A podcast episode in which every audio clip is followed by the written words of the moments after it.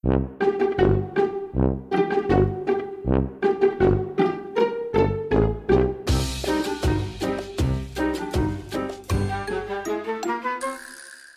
visiem, čau Dagni, čau Krišjāni, čau visiem dabas draugiem, kas mūs iespējams klausās.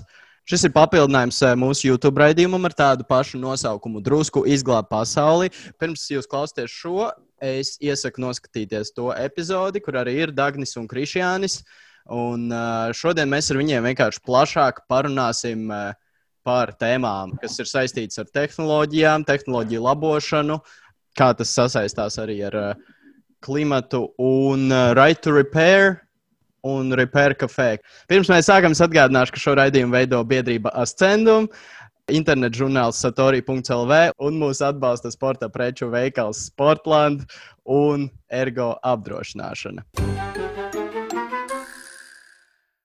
Tātad, Dagni, Krišjāni, sveiciens jums abiem. Jūs esat Repair Cafe Džeki, tas jau ir zināms, neiepazīstināšu vēlreiz. Pirmais, ko es jums gribēju pajautāt, tad, Dagni, sāksim ar tevi. Kas ir pirmais, ko tu jebkad esi vēris vaļā, kāda ierīce un ko tu esi mēģinājis labot? Es atceros pirmo lietu ierīci, ko es salaboju, bet ja tā, ne, es neatceros pirmo ierīci, ko vēru vaļā, jo mans onkulis ir uh, elektrotehniķis. Uh, bērnības atceros, ka viņam bija pašam savu darbnīcu ar šauru eju starp detaļu kalniem, televizoriem un uh, visādām citām iekārtām līdz viņa darba galdam. Viņam bija kabinets, kur varēja skrūvēt un darīt, ko vien tu vēlējies. Bet nu, pirmā lieta, ko es salaboju, bija mans personīgais dators, ko es dalīju ar māsu, kas nav vairs personīgs. Nebija personīgs tajā brīdī. Un uh, bija iestrēgusi nu, ieslēgšanas poga.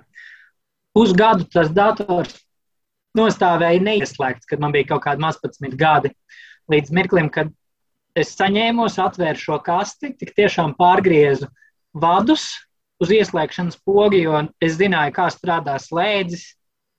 Un šos vadus savienojot tā, kā mašīna ieslēdza filmās cilvēki bez atslēgām, tā es ieslēdzu savu datoru. Un tā arī mans dators bija pirmais dators, ko es arī salaboju. Kopš tā laika arī man ļoti patika pievērsties elektrotehnikas labošanai datoru labošanai, man patika datori un uh, viņu uzlabošana, un tā arī tas sākās. Lieliski, un Krišjānī īsi un konkrēti, kas tev ir uh, pirmais, ko tu mēģināji salabot?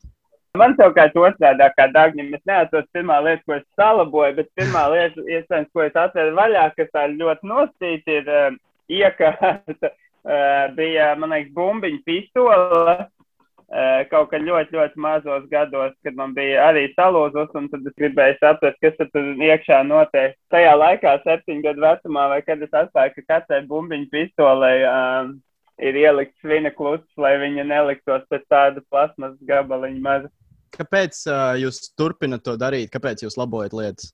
Vairāk ir tie iemesli noteikti, un viņi pārklājas, piemēram, uh, Dagni, nu, tas ir dzīvesveids un profesionālā nodarbošanās. Man varbūt tas ir vairāk kaut kāds meklējums pēc ilgspējīgāks un pašpietiekamāks kaut kādas eksistences. Un tādējādi daloties, un kāpēc mēs to darām caur šo reperkafē platformu, varbūt varētu teikt, ka tas ir, lai tajā visā varētu dalīties, jo pat ja es mājās priecīgs atklāt, cik viegli var kaut ko salabot un neizmest ārā, iedot otro dzīvību, tad, ja ar to padalās un iemāc vēl pāris cilvēkiem, tad tur parādās tas spēks. Es tev uzreiz piebildīšu, un principā ir tāds viens iemesls, par ko mēs te vairāk runājam, tas vides aspekts, vai ne, kāpēc mēs tā ārā jau var salabot, bet man liekas, otrs biežākais, ko cilvēki min, ir tas vienkārši ir izdevīgi, vai ne, tas ir lētāk. Šie abi aspekti, ja paņem kopā, tad tas ir ļoti vērtīgs arguments, kāpēc to vajadzētu atļaut darīt. Vai, ne? vai tev ir vēl kaut kāds iemesls, Dagni, kāpēc tu to dari? Nu, tas ir kaislība man kopš bērnības, un tas jau ir pāraudzis tik tiešām jau manā profesijā. Nodarbojos vairāk jau esmu IT speciālists, bet tik un tā man, man ir bijušas iespējas labot iekārtas, kas maksā nevis tūkstoti divus, bet vairākus simtus tūkstošus eiro un tā rūpnīcas tehnika kurā arī ir datori, kurā ir motori, un ja tu saproti kaut minimāli, kā lietas strādā, tu vari mēģināt salabot aizvien sarežģītākas lietas. Tas ir noderīgi, jo tā lieta ir tava un tu viņu varēsi izmantot, tu ar viņu vari rēķināties. Bet, ja tev nav zināšanas, kā to salabot, ja ražotājs dara visu, lai to nevarētu salabot, un tu tik un tā pērc šo iekārtu, lai apmierinātu savu iegribu, ka man gribas tieši to iekārtu, pasaule nemainīsies. Un vienkārši šī right to repair kustība ir jādara skaļāk. Cilvēkiem ejot pa ielu, jāzina, ko tas nozīmē. Cilvēkiem pērkot jaunas lietas, vajadzētu ņemt vērā šo. Es ceru, ka šis aizies mazliet plašāk, mazliet skaļāk, ka tu nebūsi vienīgais cilvēks Latvijā, kas grib par to parunāt, un uh, mēs varēsim kaut kad vēl kaut kur citur tikties. Par to runājot, es tagad aktīvi patiesībā ļoti esmu sācis sekot līdzi Right to Repair. Ja piesakoju Luisa Rosmana YouTube kanālam, kas ir tāds uh, aktīvākais šīs kustības, varētu teikt, aizsācējs, un uh, prezidents pat ir izteicies, ka vajag ieviest Right to Repair likumus. Šobrīd uh, Joe Bidenis izdeva pavēli. Es nezinu, kā strādā Amerikas šī te, uh, likuma pieņemšanas kārtība, bet tagad 180 dienu laikā vajadzētu tapt likumu grozījumiem, lai teiksim, šis right to repair atļaut servisiem darboties, labot šīs iekārtas. Jo tas jau nav tikai par tavu jauno smuko telefonu vai tavu portatīvo datoru, kuram nestrādā webkamera.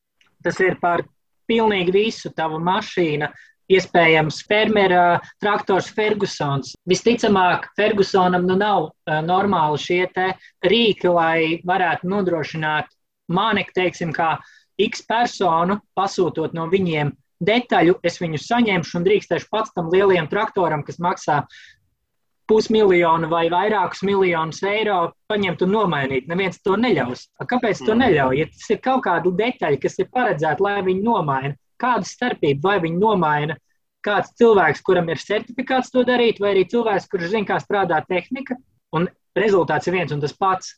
Tātad kāds ir mērķis šai likumdošanas izmaiņai, kas tiktu mainīts? Tas šobrīd tiek izstrādāts, bet uh, ideālais, utopiskais variants jau būtu tas, kurā būtu iespēja jebkuram pasūtīt rezerves daļu un nomainīt, pie kā vien tu vēlēsi to. Tu varbūt pats to nedarīsi, Un lielākā daļa cilvēku to nedarīs, bet tev vajadzētu zināt, vai tas būtu iespējams. Es tikko redzēju vienkārši burvīgu video, kur Tesla paprasīja 16,000 dolārus, jā, lai nomainītu bateriju, kurai ir bojāts dzēsēšanas šķidruma jā. 16,000 dolāri, kas ir nu, Latvijā, tas būtu visticamāk 20,000 eiro par mazu plasmasas detaļu, ko čaļi izdomā, kā izurbt, ielikt vītnīti uztaisīt par 700 dolāriem.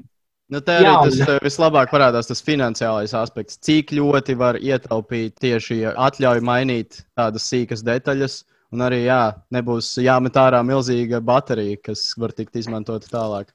Bet uh, kā jums -hmm. liekas, kas būs pirmie, kas uh, ieviesīs kaut kādu right to repair likumdošanu? Eiropas Savienība vai ASV?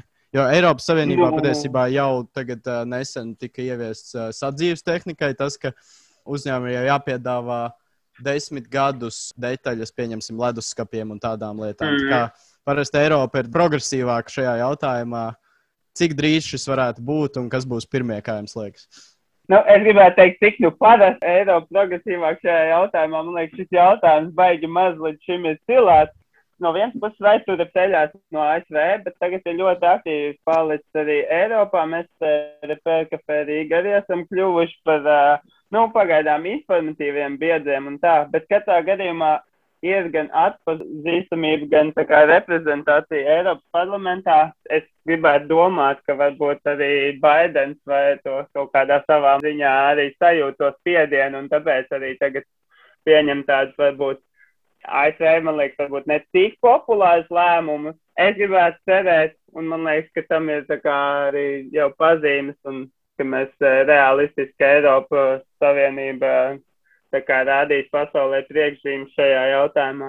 Tas, ko tu minēji par sadzīves tehniku, tas, piemēram, pašlaik strādā to, kā šo likumu vajadzētu attiecināt, piemēram, uz eh, tieši smartfoniem arī. Pašreizējā, varbūt tas, kā ir, ir dizains smartfoniem, desmit gadi neliekas realistisks periods, kad nu, vispār neviena tā ierīce nav uztaisīta, lai tik ilgi vilkt. Uh, nu jā, jā, leduskapiem ir ilgāks šis mūžs, un telefoniem tas nomaiņas periods ir drīzāk viens, divi gadi. Jā, es gribēju jautāt par jūsu repair kafē. Kas ir tas, ko jūs minējāt, kur jūs esat tagad pievienojušies kā biedri?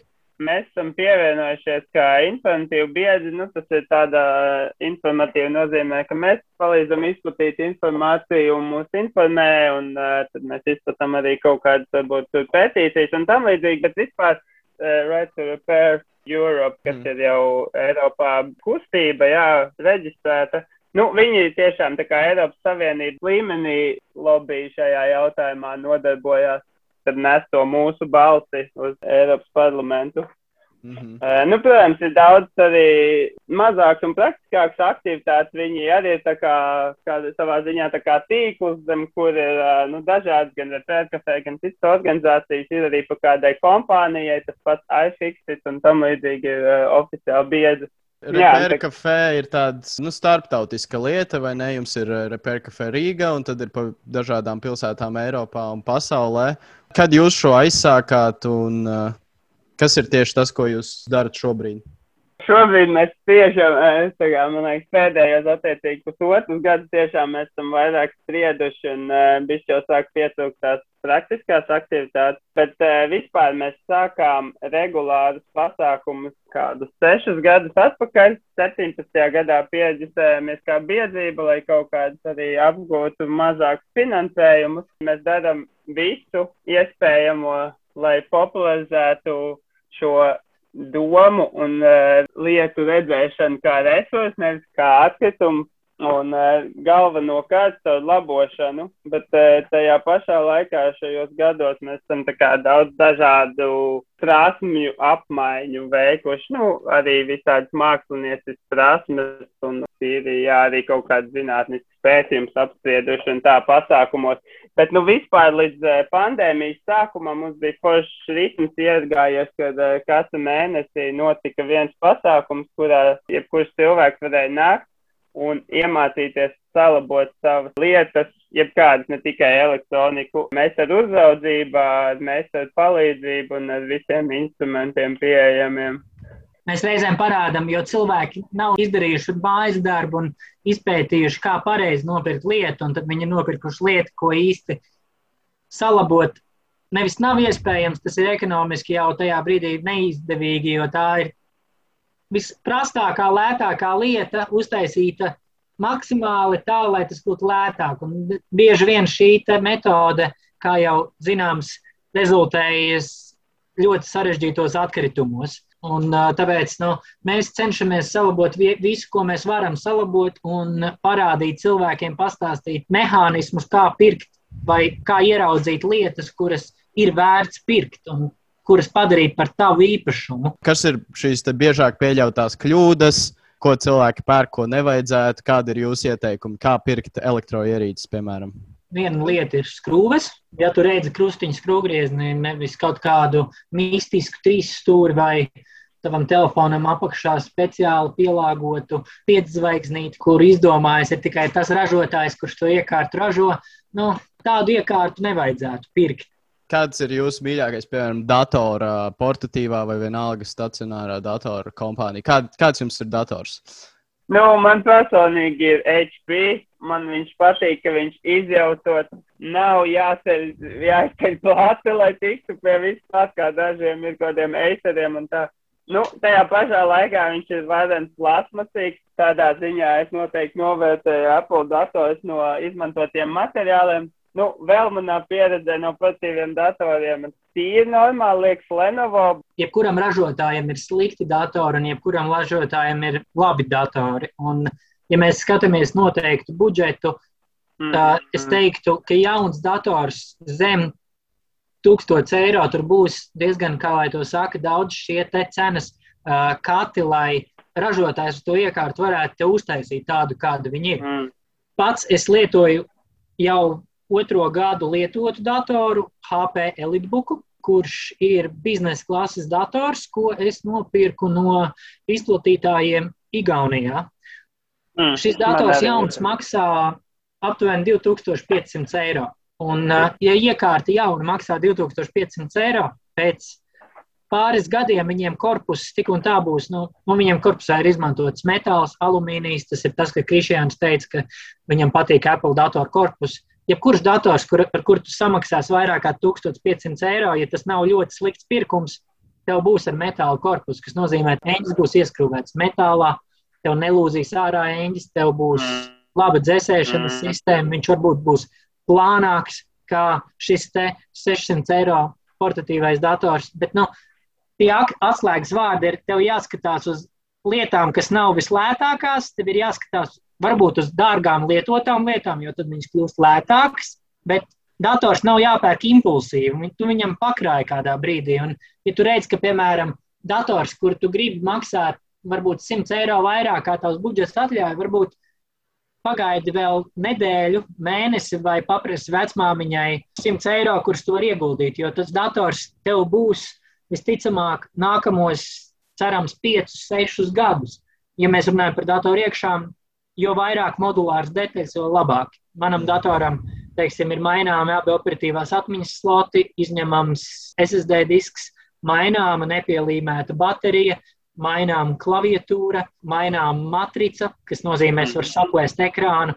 Nu, Visu šīs komponentes kopā salikt šajā datorā kalpo tā, lai es viņas varētu nomainīt. Tā ir mana datora izvēle. Jā, es, es tikai padalīšos vēl ar savējo. Es izvēlos Lenovo pilnīgi visus datorus, ko es pērku pēdējos gados. Es tā vienkārši iedziļinājos, noskaidroju, ka viņiem nu, ir pirmkārt pieejamas visas komponentes, viņi paši pārdod, bet uh, mm. vēl tas, kā viņi vecos datorus, tu vari viņiem pārdot atpakaļ, un viņi tos uh, arī pēc tam refurbish un pārdod tālāk dažādiem. Uh, uzņēmumiem, laikam, vai skolām, piemēram, tā, lai mm. bērni var arī izmantot tos datorus. Viss ir maināmas detaļas, uh, universāli. Vi visi porti nevajadzēs kaut kādus adapterīšus un modulāru datoru. Tā ir stēle, jo tiešām pēc trim gadiem viņš paliks lēns. Es nomainīšu varbūt operatīvo atmiņu. Man, piemēram, šis. Uh dators ir, nu, man viņš ir četrus gadus, bet viņš arī bija refurbished, tā kā viņam kopā ir kaut kādi 8, 9 gadi. Viņam, piemēram, arī jau sen pieņem, mēs visi zinām, ka šķīdījums īsti vairs nav noderīga funkcija. Piemēram, ir ļoti vienkārši uh, kādīzajā, kurā tu vienkārši iestādi vēl viens ieto disku un aiziet to tavu nevajadzīgo šķīdījumu milzīgo ar uh, vajadzīgu vēl viens disku. To gan var izdarīt, ja kurš, nu labi, ja vien nav tiešām briesmīgs uh, dators, es nezinu, bet man, lai izdarītu to, ir, man liekas, nepieciešams, lai nomainītu šķīdījumu uz uz ekstra cieto disku, kāds trīs skrūves. Vai ir kāda, par right to repair runājot, vai ir jau kāda valsts, kas ir ieviesusi kaut kādu likumdošanu, atsevišķa valsts varbūt? Ja godīgi, tad nē. Man atmiņā cits kaut kas, man tikko par eh, Ķīnu kā valsti iešāvēs līdzīga tāda ideja, bet viņi dara citu kaut ko. Viņi ņem un padara savu valsti neatkarīgu no Intel un uh, AMD un uh, ARM procesoriem viņi sāk laist ārā savus procesorus kā tādus. Viņi kļūst neatkarīgi no pasaules procesoru tirgus. Visās valsts instancēs viņi grib nomainīt šos datorus pret datoriem, ko ražo viņi paši. Kas savā ziņā ir raitu repair kustība, jo viņi zina, ko viņi lieto, un viņi to var uztaisīt atkal. Un tā ir tāda mm. ļoti interesanta un uh, savā ziņā tāda ļoti uh, drosmīga rīcība. Protams, nu, tas, ko viņi dara, nu, visiem var nepatikt. Man arī tas nav tāds tūs un patīkams temats, bet no turienes nāk viss, ko mēs lietojam. Tā skaitā iPhone un viss pārējie. Varbūt mums vēfs atkal jāatgriež atpakaļ, jāsāk ražot visu pašiem. Tieši tā, kā jau Edgars teica par to Lenovo, piemēram, man liekas, arī tā lieta nav baigi izplatīta, ja kaut kādi nacionāli, lokāli likumi saistībā ar ražošanu, tas ir vairāk, tomēr, kas to pašlaik brīdi ir atsevišķi atbildīgi vai vismaz cenšas būt atbildīgi uzņēmumi. Bet tā realitāte ir tāda, ka joprojām tas nevienmēr ir finansiāli izdevīgi būt atbildīgam. Visbiežāk nav, tāpēc jā, to nepieciešams ielikt likumā, lai tā nav izvēle. ASV arī ļoti, ļoti daudzām e, produktu grupām ir guideline, piemēram, par to, kā vislabāk viņas ražot, kā viņas būtu drošākas, kādas materiālus izmantot, tā tālāk, lai būtu ilgspējīgāk. Problēma ir tā, ka viņi ir pieejami, viņi ir spēkā, bet nevienam viņi nav obligāti jāievēro. Protams, kompānijas izvēlas lētāko ceļu biežāk. Es nezinu, varbūt kompānijām, kuras ir pārsniegušas kaut kādu noteiktu apgrozījumu vai nu, vērtību kaut kā starptautiski, nevajadzētu ļaut izvēlēties specifiskus lādēšanas portus. Tā skaitā Apple Lightning ports, kas ir joprojām iPhone. Viss pārējā pasaule jau ir aizvirzījusies.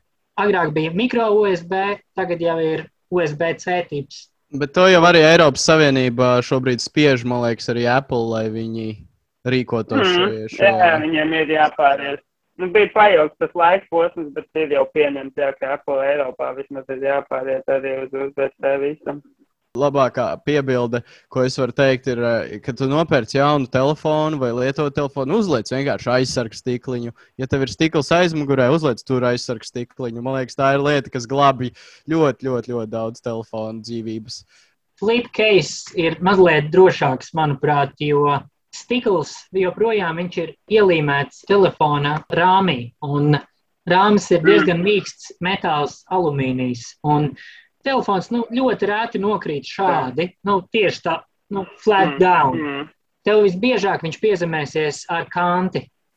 Un, Mm. mm. uh, es teiktu, pat stikls ir sekundāra lieta, tev ir vajadzīgs case un vēlams arī kaut kas priekšā. Bet uh, pabeidzot, varbūt uh, pafantazēsim nedaudz par nākotni. Šobrīd vai ne patērētāji izvēlās šos te lētākos variantus, tāpēc arī pārdodas lēta tehnika, kas ātri saplīst. Bet, teiksim, tiks ieviesti kaut kādi right to repair likumi. Kas ir tas, ko mēs redzēsim? Kas pieņemsim Apple, ko viņi izmainīs, ja viņiem pateiks, tagad, ka jums ir jāievēro right to repair? Kā izskatīsies viņu datori vai telefoni? Es varu aizvērt acis un sākt tā stāstīt sapņus. Jā, Labi, abols uh, var tikt atskrūvēts ar vienu skrūvgriezni. Nu, labi, diviem. Viņam ir visas vienādas garuma skrūves, lai tu nevari sabojāt savu mātes plati. Mainot Mm. kaut ko, tu vari nomainīt detaļas starp iPhone. Ka, piemēram, paņem iPhone A un iPhone B, un, ja tu uzliec iPhone A, B iPhone ekrānu, tu vari ņemt un joprojām viņu piedarbināt. Piedarbināt jau var, bet izmantot visas funkcijas. Skaistākais būtu, ja Apple un tāpat arī visi citi ražotāji sāktu pārdot svarīgos čipus viņu izveidotos internetu veikalos par sakarīgām cenām, pat nu, nu, kaut trīskāršām vai četrkāršām vai desmitkāršām čipu cenām, jo tas tik un tā galu galā nu, būs daudz, daudz lētāk nekā pasūtīt veselu mākslas plati no šiem te ražotājiem. Mm -hmm. jāpārdod visas primitīvākās komponentes telefonam, datoram, traktoram vai mašīnai var salūst, lai tu viņus vari dabūt un nomainīt. Ja tas būs reāli un iespējams, nu, right to repair un uh, cilvēki, kas ir tehniski domājoši un aktīvi, vienmēr būs starp mums un varēs salabot tavu mīļāko iekārtu, jo tu viņu būs izvēlējies pareizi, un tev viņi kalpos ļoti ilgi, un pēc salabošanas kalpos tikpat ilgi. sapņosim par tādu Mm. mm. nākotni visi kopā. Un, uh, protams, gaidīsim, kad tāda īstenosies. Un uh, paldies jums, liels Džeki! Turpināsim par šo runāt. Paldies.